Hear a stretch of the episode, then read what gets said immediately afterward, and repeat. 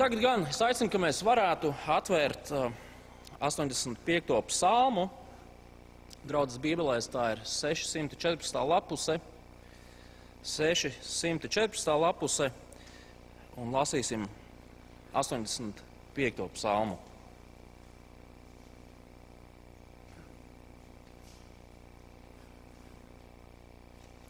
Korvedim Koraha dēlu psalms. Tu uzlūkoji, kungs, savu zemi, tu atjaunoji jēkabu, tu atlaidi pārkāpumus savai tai- tautai, tu apklāji visus tās grēkus, tu apvaldīji savu naidu, novērsies no savu dusmu kvēles, atjauno mūsu glābēji Dievs, salauz niknumu, kas tev vēl uz mums. Vai mūžam tu būsi noskaities uz mums, vai ilgs tavs dusmas uz augu audzēm? Vai tu negribi dzīvināt mūs no jauna, lai tava tauta priecātos tevī? Rādi mums, kungs, savu žēlastību un savu pestīšanu dod mums. Lai ieklausos, ko saka Dievs, kungs saka mieru savai tautai un saviem uzticīgajiem, tik lai neprātībā tie neatkrīt. Gan viņa glābiņš tuvu tiem, kas viņu bijā, mājos godību mūsu zemē. Žēlastība tiksies ar patiesību, taisnība skūpstīs mieru. Patiesība no zemes dīks un taisnība lūkosies no debesīm. Tad kungs dos labu, un mūsu zeme dos savu ražu. Taisnība staigās viņam pa priekšu un sataisīs viņam ceļu. Tas ir kunga vārds. Amen. Īsi lūksim, lai Dievs mums arī savu vārdu palīdz saprast. Dabas tēvs patiesi, tu esi Dievs kā neviens cits. Tu esi runājis uz cilvēkiem. Un tas, ko tu esi teicis, tas ir pierakstīts, lai uz augu audzēm cilvēki varētu lasīt, pārdomāt un atbilstoši dzīvot. Un tādēļ lūdzam, mēs šo psalmu aplūkojam šajā vakarā, lai tas mums kļūtu skaidrāks un pāri visam, lai mēs spētu dzīvot saskaņā ar to, ko šis psalms mums māca. Pilnā paļauvi, paļāvībā uz tavu lielo žēlastību. Lūdzam, Kristus vārdā. Amen. Iespējams, jūs man piekritīsiet, ja teikšu, ka mums visiem ir lietas, bez kurām mēs nevaram dzīvot kā cilvēki. Te mēs varētu minēt Maslow piramīdā esošās lietas, piemēram, gaisa, ūdens, ēdiens, ģimene, draugi, plašāka sabiedrība, drošība. Bet mēs varētu šajā sarakstā minēt arī tādas, tādas tuvāk mājām lietas, kā piemēram vasaras atvaļinājums, mājas, darbs, nauda, kaut kāda viedierīce, jo galu galā ir Olimpiskās spēles vai mazdārziņš, kurā rušināties dzīve bez šīm lietām nebūtu iedomājama. Tad šajā svētdienā, šajā psalmā, iespējams, jūs jau pamanījāt, ka psalma autors, jeb autori, šie koraha dēli, viņi mums saka, ka dzīve šajā pasaulē nav iedomājama bez dieva žēlstības. Mēs redzam, kā psalma autors savā dziesmā atceras par dievu žēlstību. Viņš dzied atceroties dievu žēlstību. Psalma autors atcerās to, ko Dievs ir darījis savas draudzes, jeb tautas labā. Psalma autors lūdz, lai Dievs arī no jauna parādītu savai tautai žēlastību. Un psalma izskaņā mēs redzam šo brīnišķīgo apsolījumu, ka kādu dienu Dieva žēlastība manifestēsies pilnā mērā, un visi Dieva ļaudis to piedzīvos. Bet uzreiz rodas jautājums, nu kas tad ir žēlastība? No vienas puses tas ir tas visiem zināmais vārds, no otras puses mēs tik bieži šos visiem zināmos vārdus patiesībā reizēm pārprotam vai aizmirstam to nozīmi. Kad mēs dzirdam šo vārdu, mēs ļoti bieži to asociējam ar, ar ubagu. Ar ubagiem, kas, kas diedelēs sīk naudu. Viņiem ir liels trūkums, viņiem vajag maizītē vai kam citam, un viņi sēž un diedelē žēlstības dāvanas. Vai, vai, piemēram, mazais jūrītis, par kuru skolotāji apžēlojās, lai viņam nebūtu vasarā jāpilda mājas darbi, tāpēc ka viņš ir knapi, knapi sekmīgs. Visas šīs ikdienas situācijas, kurās kāds ir nonācis grūtībās vai pat bezcerīgās situācijās, un kāds cits panāk pretī šim otram, dāvājot nepelnītu labumu, labestību. Tas ir tas, ko mēs saprotam ar žēlastību. Pareizi. Un tas ir pareizi. Tāpēc, ka pašos pamatos vārds žēlastība nozīmē dāvana. Kaut kas tāds, kas ir iedots nepelnīti. Un mēs visi zinām, ko tas nozīmē. Mēs visi savā dzīvē esam piedzīvojuši to, ka kāds mums parāda nepelnītu labestību, palīdzot, dodot mums kaut ko. Un arī mēs paši, es ceru, savā dzīvē esam rādījuši žēlastību, šādu veidu žēlastību citiem cilvēkiem. Taču Ja mūsu atzīmes ir labas, mums nav vajadzīga skolotāja žēlastība, pareizi. Vai ja mums ir darbs, mēs varam samaksāt savus rēķinus, mēs varam likt galdā ēdienu, mums nav vajadzīga finansiāla žēlastība, ja palīdzība. Ja esam stipri, veseli, rosīgi, gudri, mēs varam iztikt bez citu cilvēku žēlastības. Vismaz mēs tā domājam. Žēlstība ir domāta vājajiem, grūtībās nonākušajiem, problēmu cilvēkiem. Un pa lielam mēs taču tādi šeit neesam. Iespējams, mēs reizēm tā pie sevis domājam. Tāpēc, tad, kad runa ir par dieva žēlastību, runa ir par kaut ko daudz, daudz, daudz lielāku nekā vienkāršu labu īstajā laikā dotu dāvanu.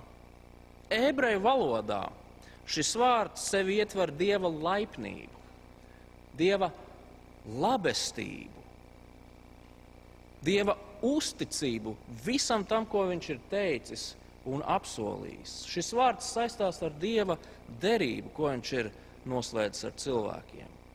Dievs vēlas būt attiecībās ar cilvēkiem, un Dievs dara visu nepieciešamo, lai šīs attiecības varētu būt realitāte. Dieva žēlastība runā par Dieva iniciatīvu, Dieva darbu, Dieva labvēlību pret cilvēku. Un, draugi, mums visiem šī Dieva žēlastība, labvēlība, labprātība uz mums ir ārkārtīgi nepieciešama. Mēs bez tās nevaram dzīvot šodien, rīt un nemūžam. Un mēs, kristieši, mēs ticam Dieva žēlastībai. Mēs par to pateicamies, mēs par to dziedām. Tas ir labi un tas ir pareizi, tā tik turpinām. Taču reizēm gadās tā, ka šīs mūsu dzīves vissvarīgākās lietas, šīs vis, visfundamentālākās lietas, kļūst par lietām, kuras mēs uztveram kā tādas pašsaprotamas lietas. Es esmu precējies, man ir sieva, un tā vienmēr būs. Un cik bieži es nenovērtēju šo faktu, piemēram, šis psalms ir mudinājums no jauna paraudzīties uz Dieva žēlastību. Uz žēlastību šī vārda plašākajā nozīmē, uz Dieva labvēlību, uz cilvēku. No jauna sajust to prieku par to, ko Dieva žēlastība, Dieva labvēlība dāvā cilvēkam. Un no jauna pakārtot savu dzīvi Dieva labvēlībai, ko Viņš parāda pret mums. Psalms sākas ar to, kā pirmajās dažās rindiņās šie, šie koraha dēli viņa atcerās par žēlastību. Skatieties vēlreiz no 2 līdz 4 pantam. Tu uzlūkoji kungs savu zemi, tu atjaunoji jēkabu, tu atlaidi pārkāpumus savai tautai, tu apklāji visus tās grēkus, tu apvaldīji savu naidu, novērsies no savu dusmu kvēles.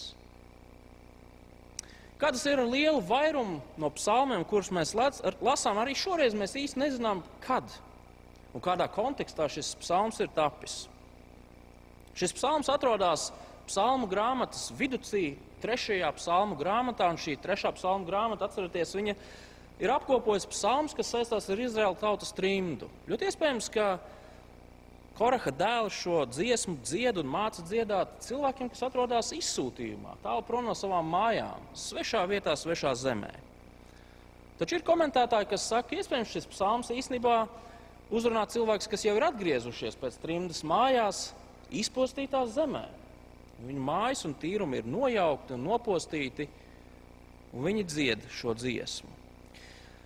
Lai kāda arī nebūtu apstākļi, kuros šī dziesma ir dziedāta, autors uzmanību, arī mūsu uzmanību pievērš lietām, kas visos laikos, visos kontekstos ir patiesas. Kāpēc mēs to varam tā teikt? Tāpēc, ka uzmanība šajā psalmā tiek pievērsta tam, ko Dievs Izraēla tautas labā ir darījis daudzas, jau daudzas reizes. Mēs esam atcerē, aicināti atcerēties to, kāds tad ir Dievs, Izraēla tautas Dievs. Vai tie būtu tūkstneša ceļojumi pēc iziešanas no Ēģiptes, vai tās būtu veiksmes un neveiksmes, ieiet apsolītajā zemē, Dievs atkal un atkal ir demonstrējis to, ka viņš ir labvēlīgi noskaņots pret saviem ļaudīm, pret savu tautu. Nē, ne tāpēc, ka viņi būtu īpaši labi, īpaši pareizi, liela, nevainojama tauta. Nē, Izraēla tauta demonstrēja gan grēku, gan stulbumu, gan stūrgalvību, par kuru Dievs viņu taisnīgi sodīja.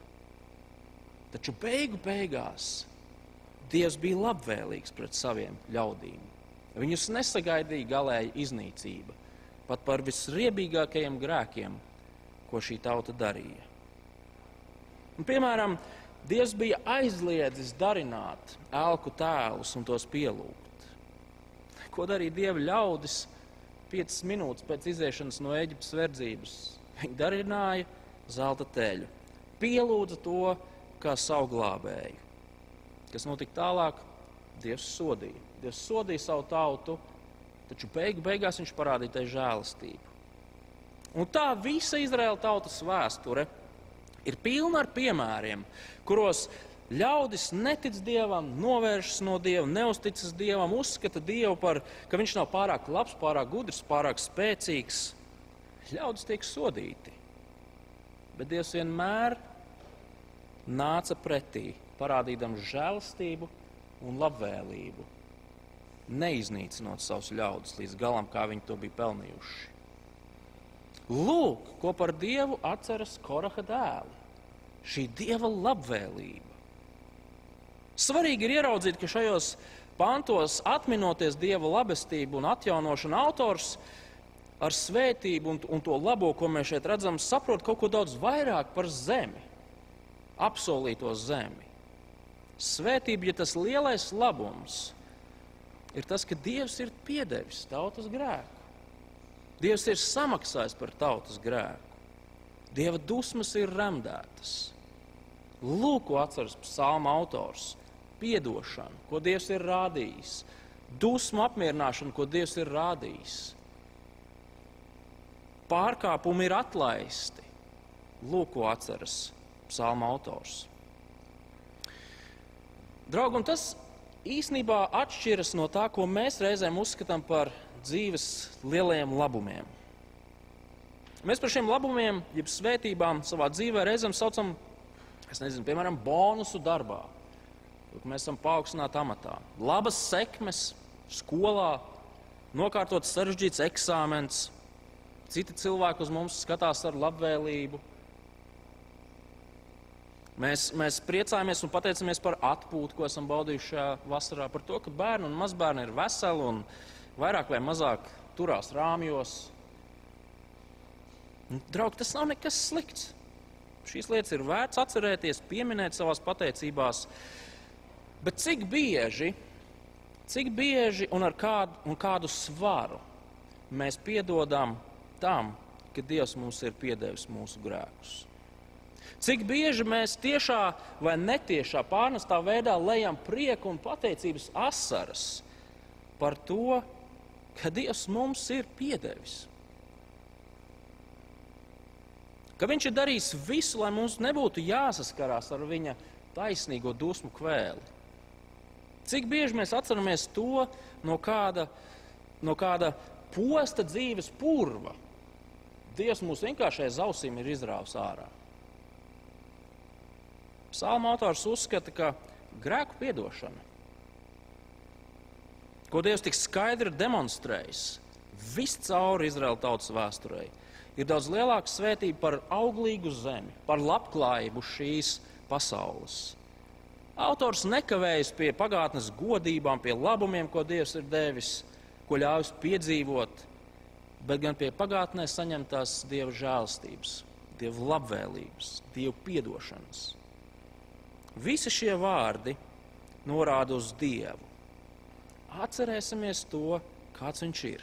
Atcerēsimies to, ko viņš ir darījis. Un tas ir ļoti svarīgi. Es jau pieminēju, ka neskatoties, kur, neskatoties to, kur šajā brīdī atrodas psalma, pirmie dziedātāji, viņi ir grūtos laikos. Trimdā vai atgriežoties izpostītā zemē nav svarīgi. Viņi atrodas grūtībās. Viņi nav mājās, viņi nav tur, kur ir labi. Un ašot šajā situācijā, ļaudis vēršas lūgšanā pie savu dievu.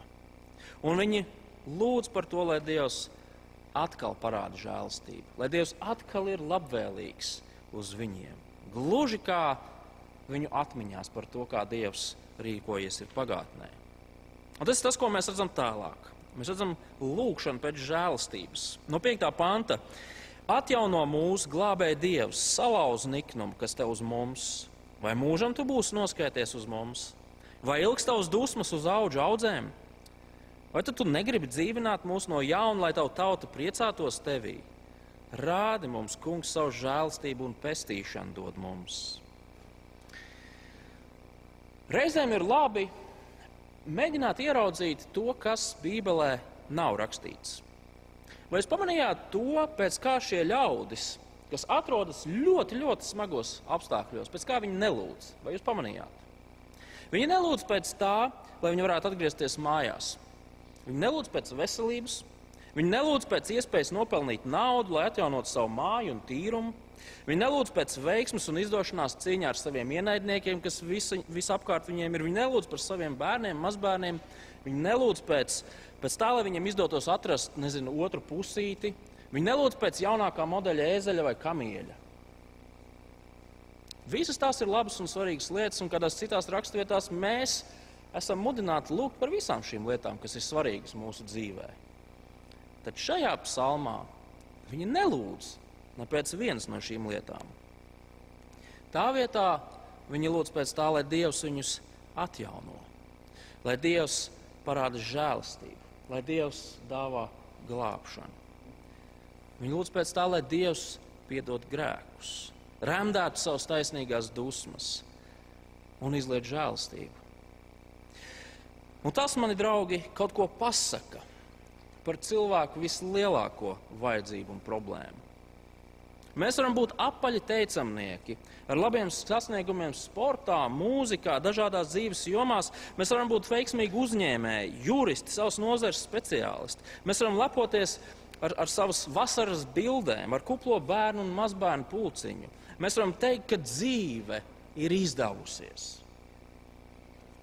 Taču tas viss nav nekas, ja mēs neesam saņēmuši Dieva žēlstību. Tas nav nekas, ja Dievs joprojām ir dusmīgs uz mums un mūsu, grēk, uz mūsu grēkiem un mūsu pārkāpumiem. Tas nav nekas, ja Dievs mums nav devis garīgu dzīvību. Ja mūsu dzīvē nav Dieva žēlstība, tad mūsu dzīve ir gaužām nožēlojama, visnožēlojamākā. Pat ja pēc pasaules standarta mēs varam atķeksēt visās kastītēs, kas atbilst svētīgai un labai dzīvei šīs pasaules kontekstā. Ļoti drūma aina, pareizi. Bet tas tāpēc, ka mēs visi, neatkarīgi no tā, cik labi vai slikti mums šajā dzīvē iet, cik veiksmīgi vai neveiksmīgi mēs esam savā darbā, ģimenes dzīvē, attiecībās ar līdzcilvēkiem. Neatkarīgi no tā, cik mēs esam jauni vai veci, vīrieši, sievietes, neatkarīgi no tā, vai mēs esam pieaugušie vai bērni, mēs visi esam grēcinieki. Mēs visi esam grēcinieki Dievu priekšā. Senais Izraels bija priecīgs par dzīvi apsolītajā zemē, bet viņi nevēlējās atzīt Dievu. Viņam paklausīt, viņu pagodināt, Un kas notika? Viņi to visu pazaudēja. Trimda notika. Tā ir kā tāda, tas, kas notika ar Izraēlu tautu, no vienas puses, kā tāda, tāda ilustrācija tam, kas sagaida visu pārējo pasauli. Jēzus savulaik saviem mācekļiem teica, ko tas līdzi, tev pieder visa pasaule, bet tu pazaudē savu dvēseli. Ko tas līdzi, ja tev dzīvē viss ir sakārtots, viss rulē, bet tev nav grēka piedošana un izlīguma ar Dievu. Ko tas līdzi, ja vari baudīt šo dzīvi, ceļot, gūt neatkārtojamu pieredzi un sajūtu, bet tu neesi piedzīvojis Dieva žēlstību, Dieva labestību, Dieva labvēlību pret tevi. bez Dieva žēlstības un labvēlības mēs saņemsim to, ko esam pelnījuši. Taisnīgu sodu par savu dzīvi, kas ir dzīvota aktīvi vai pasīvi, pratojoties Dievam, kurš mūs ir radījis. Un tieši tāpēc Koraha dēli šajā psalmā lūdz pēc šīs lietas, pēc Dieva žēlastības, pēc Dieva labvēlības, pēc atdošanas, pēc atjaunošanas. Tagad ir svarīgi, svarīgi piebilst vien, vienu lietu, lai nerastos pārpratumi. Neticība un nepaklausība Dievam nenozīmē to, ka ik viens grēcinieks būs nolemts šausminošai dzīvei šeit uz šīs zemes, ar slimībām, neveiksmēm un beig beigās drausmīgu nāvi. Tas, ka kāds piedzīvo īpašas grūtības, nenozīmē to, ka šis cilvēks ir kāds īpašs grēcinieks Dievu priekšā. Tas nav tas, par ko šis psalms runā. Tas nav vienādojums, kuru mums vajadzētu izvilkt no šī psalma. Patiesība ir tāda, ka mēs dzīvojam salauztā pasaulē, ļaunā pasaulē. Tāpēc ik viens no mums var piedzīvot sliktas lietas. Bieži vien mēs piedzīvojam sliktas lietas savu grēku dēļ, bet nevienmēr. Mēs vienkārši dzīvojam ļaunā pasaulē. Bet Dieva vispārējās žēlstības dēļ mēs ik viens varam piedzīvot arī labas lietas. Psalms nerunā par tā saucamo labklājības evaņģēliju. Tu būsi svētīts, ja tu pareizi ticēsi Dievam, un tu saņemsi sodu, ja tu nepareizi ticēsi Dievam. Tas nav par ko šis psalms runā. Atgriežam, atgriežamies pie šī psalma. Ir svarīgi, ka mēs pamanām kaut ko svarīgu 6. un 7. pantā, kur psalma autors, jeb autori, Koraha dēli, viņi uzdod vairākus jautājumus. Vai mūžam tu būsi noskaities uz mums? Vai ilgs tavs dusmas uz augu audzēm? Vai tu negribi dzīvināt mūs no jauna, lai tava tauta priecātos tevī? Mums ir jāsaprot, ka šie ir retoriski jautājumi. Psalmists jau zina atbildes uz šiem jautājumiem. Viņš zina to, kāds ir viņu dievs. Psalma nobeigums to ļoti skaidri atklāja. Kāds cits psalms, piemēram, 103. psalms, no 9. līdz 12. pantam, ļoti skaidri pasaka to, kāds ir dievs. Ne bezgalīgi viņš rāsies, ne mūžīgi viņš mums pieminēs.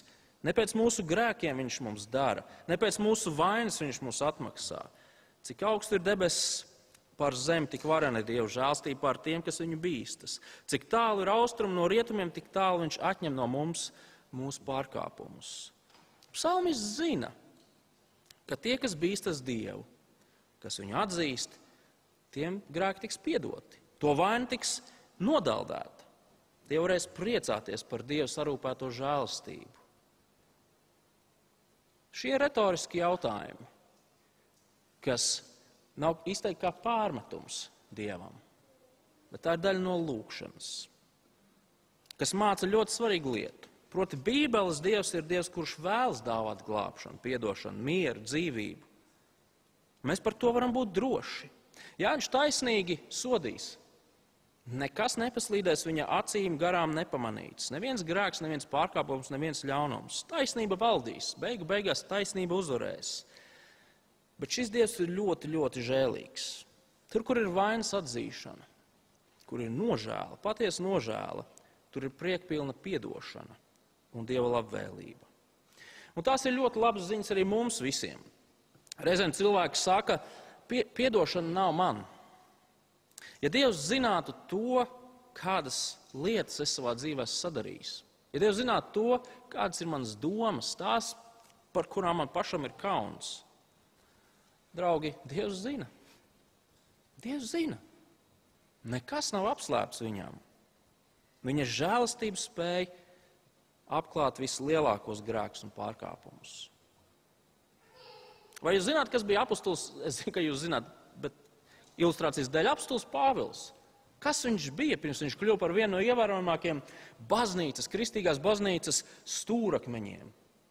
Viņš bija, es atvainojos, jūdu čekists kurš nosūdzēja savus tautiešus, kurš vajāja savus tautiešus, kurš priecājās par to, ka viņa tautiešus, kas ticēja Jēzum, sita un pat nogalināja.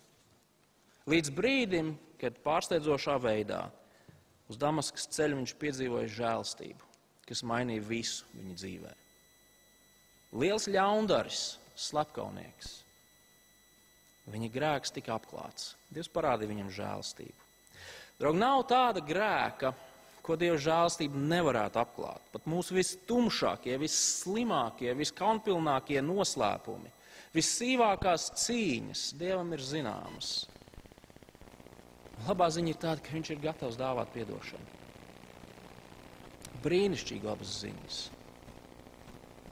Reizēm cilvēki saka, es tā nevaru, es, es, es to gribētu, bet es tā nevaru. Man vispirms ir jāsakārto sava dzīve. Un tad, ko nozīmē sakārtot dzīvi? Un gal galā mēs pirms brīža redzējām to, ka visnozīmīgākā dzīves sakārtošanas joma ir miers ar Dievu. Labā ziņa ir tā, ka Dievs mūs aicina tādus, kādi mēs esam.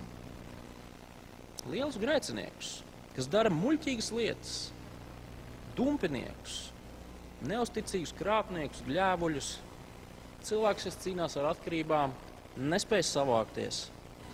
Ar visām mūsu neveiksmēm un stulbībām, salauztajām dzīvēm, Dievs saka, nāc šurp. Psalmists lūdzu, jo zina, ka Dievs vēlas piedot. Dievs, šis varenais, taisnīgais tiesnesis, viņš ir žēlstības pilns glābējs, kurš grib un var piedot, atjaunot, dāvāt dzīvību. Tad, nu, lūk, šis psalms mums liek atcerēties to žēlstību, ko Dievs ir parādījis. Dieva labvēlību. Un šis psalms mudina lūgt, lai Dievs turpina rādīt savu labvēlību, savu žēlstību, savu glābšanu un atdošanu. Visbeidzot, šis psalms noslēdzas ar brīnišķīgi skaistu žēlstības apsolījumu. Un šis apsolījums sāks uz brīdi apstāties un ieklausīties tajā, ko saka Dievs. Skatieties, 9. pantā. Lai ieklausos, ko saka Dievs. Kungs saka mieru savai tautai un saviem uzticīgajiem. Tikai lai neprātībā tie neatkrīt. Ko Dievs saka saviem ļaudīm? Viņš saka, miers. Dievs ir labvēlīgi noskaņots uz saviem ļaudīm. Dievs nemētājas ar vārdiem. Viņš nav tāds kā mēs, kas emocijās pasaka par daudz un pēc tam domā, kā lai to zupu izstrēpj. Nē, Dievs sola saviem ļaudīm mieru. Jūs lūdzat pēc miera, miers jums būs. Tad šajos, šajā pantā ir kāds svarīgs brīdinājums, vai jūs to pamanījāt? tikai lai neprātībā tie neatkrīt. Dievs dāvā mieru, bet ne tiem, kas ir atkrituši neprātībā. Un kas tad ir šī neprātība? Ebreju valodā šis vārds ir vēl sulīgāks. Tas nozīmē stulbums, tie, kas ir atkrituši stulbumā, tukšā pārliecībā, muļķībā. Un kas tad ir šī muļķība, jeb tukšā pārliecība, kurā cilvēks var iekrist? 14. 53. psalms saka, ka muļķība, vislielākais stulbums, ir pateikt, ka savā sirdī pateikt, ka dieva nav. Muļķis saka, ka dieva nav. Muļķība, jeb, jeb tukša pārliecība, ka cilvēks uzskata, ka dieva nav.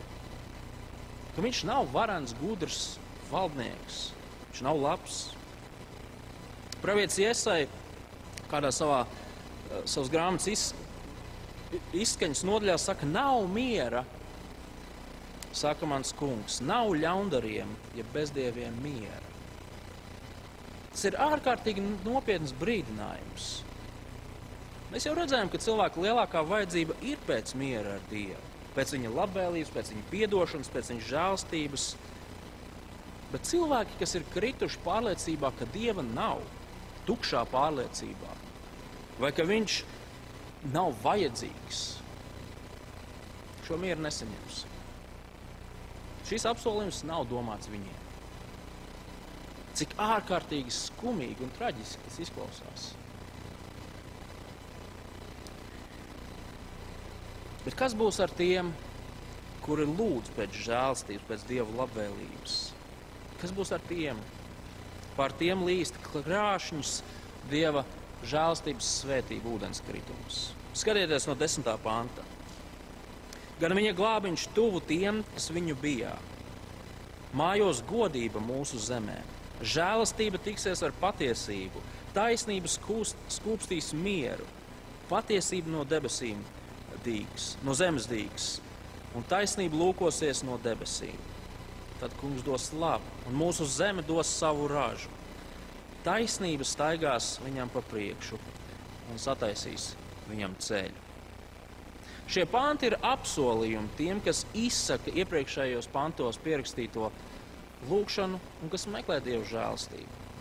Miers, glābšana, godība, žēlstība, patiesība, taisnība, miers, patiesība, taisnība, raža, dieva klātbūtne. Tas viss līs pār tiem cilvēkiem, kas meklē žēlastību.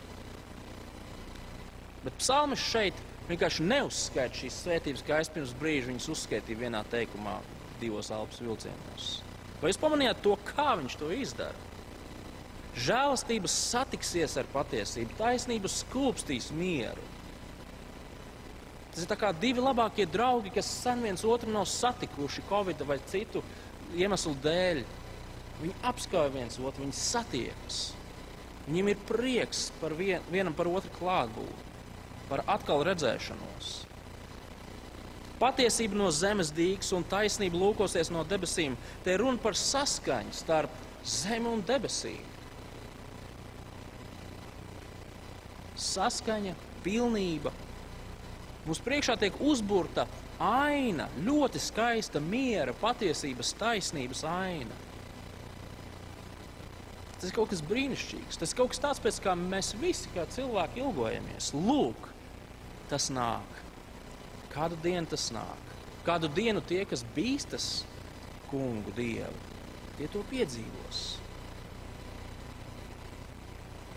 Tad, kad šīs lietas notiks, tad Dievs dos labu, un mūsu zeme dos savu ražu.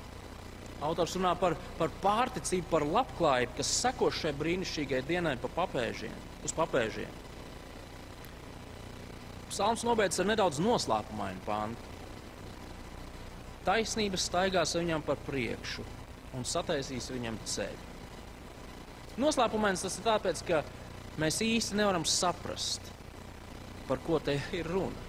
Vai te ir runa par, par Dievu, kurš staigās, kurš nāks pie cilvēkiem, vai runa par, par cilvēkiem, kas staigās pa taisnības ceļu. Lai šī neskaidrība mūs pārāk nenomok. Arī bez tā visa Šis ir brīnišķīgs apsolījums ikvienam, kurš sauc pēc dieva žēlstības un labvēlības, kurš, kurš bīstas kungu dievu. Un tas lielais jautājums, protams, ir, kad tas viss piepildīsies, kad tas nāks? Kad tas nāks? Visas šīs lietas savu piepildījumu prot Jēzu Kristu. Mēs varētu šķirstīt cauri visai jaunai derībai. Mēs to nedarīsim laika dēļ, Bet mēs redzētu to, kā Kristus ir mūsu miers, ko psalmis šeit sola. Kristus ir mūsu glābšana, par ko dzied šis psalms. Kristus ir mūsu gods, Kristus ir mūsu žēlstība, Kristus ir mūsu mīlestība, Kristus mūsu patiesība, Kristus mūsu taisnīgums, taisnums, Kristus mūsu lielākais ieguvums, Kristus lielākā svētība. Kristus ir paša Dieva klātbūtne pie saviem ļaudīm. Apostols Jānis, iesākot savu evaņģēliju, 1. nodaļas 14. pantā raksta, un vārds tapa miesa un mājoja mūsu vidū. Un mēs skatījām viņa godību, tādu godību kā tēva vienpiedzimušajam dēlam, pilnu žēlstības un patiesības.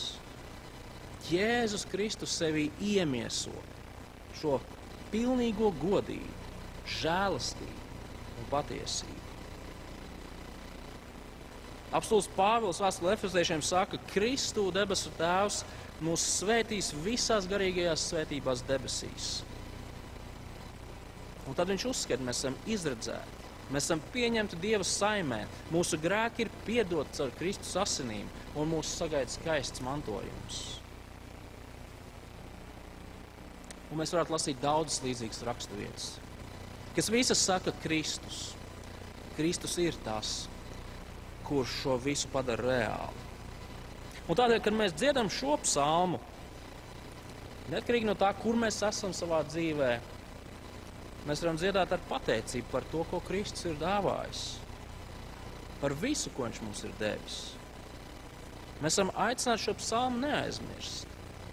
Mums visiem ir nepieciešama Dieva žēlstība un labestība. Tad, kad mēs dzīvojam pārticībā un dzīve liekas skaista un rožaina, gan tad, kad mēs ejam cauri tiem grūtajiem, garajiem, tumsas brīžiem savā dzīvē. Mums ir nepieciešama Dieva žēlstība un labvēlība katru dienu. Kristu mums tā ir parādīta pilnā mērā. Kristus ar savu dzīvi, nāvu, augšām celšanos apmierināja Dieva taisnīgās dusmas uz mums, dāvāja mums atdošanu, mieru, dzīvību, cerību. Un kādu dienu mēs to redzēsim tā, kā mēs šajā brīdī redzam viens otru. Skaidri, reāli klātesoši. Tas ir Dieva apsolījums. Ikvienam, kurš sauc pēc viņa žēlstības un labvēlības, un mēs par to varam būt droši. Bet līdz tam turpināsim atcerēties to, kādu žēlstību un labvēlību Dievs caur Kristu mums ir parādījis. Un mēs soli neatkāpsimies no šīs Dieva žēlstības un labvēlības. Lūksim, ik, lai mēs ikdienas dzīvojot un gaidot to godības pilno nākotni, spētu turēties pie Dieva žēlstības un labvēlības. Lūksim Dievu!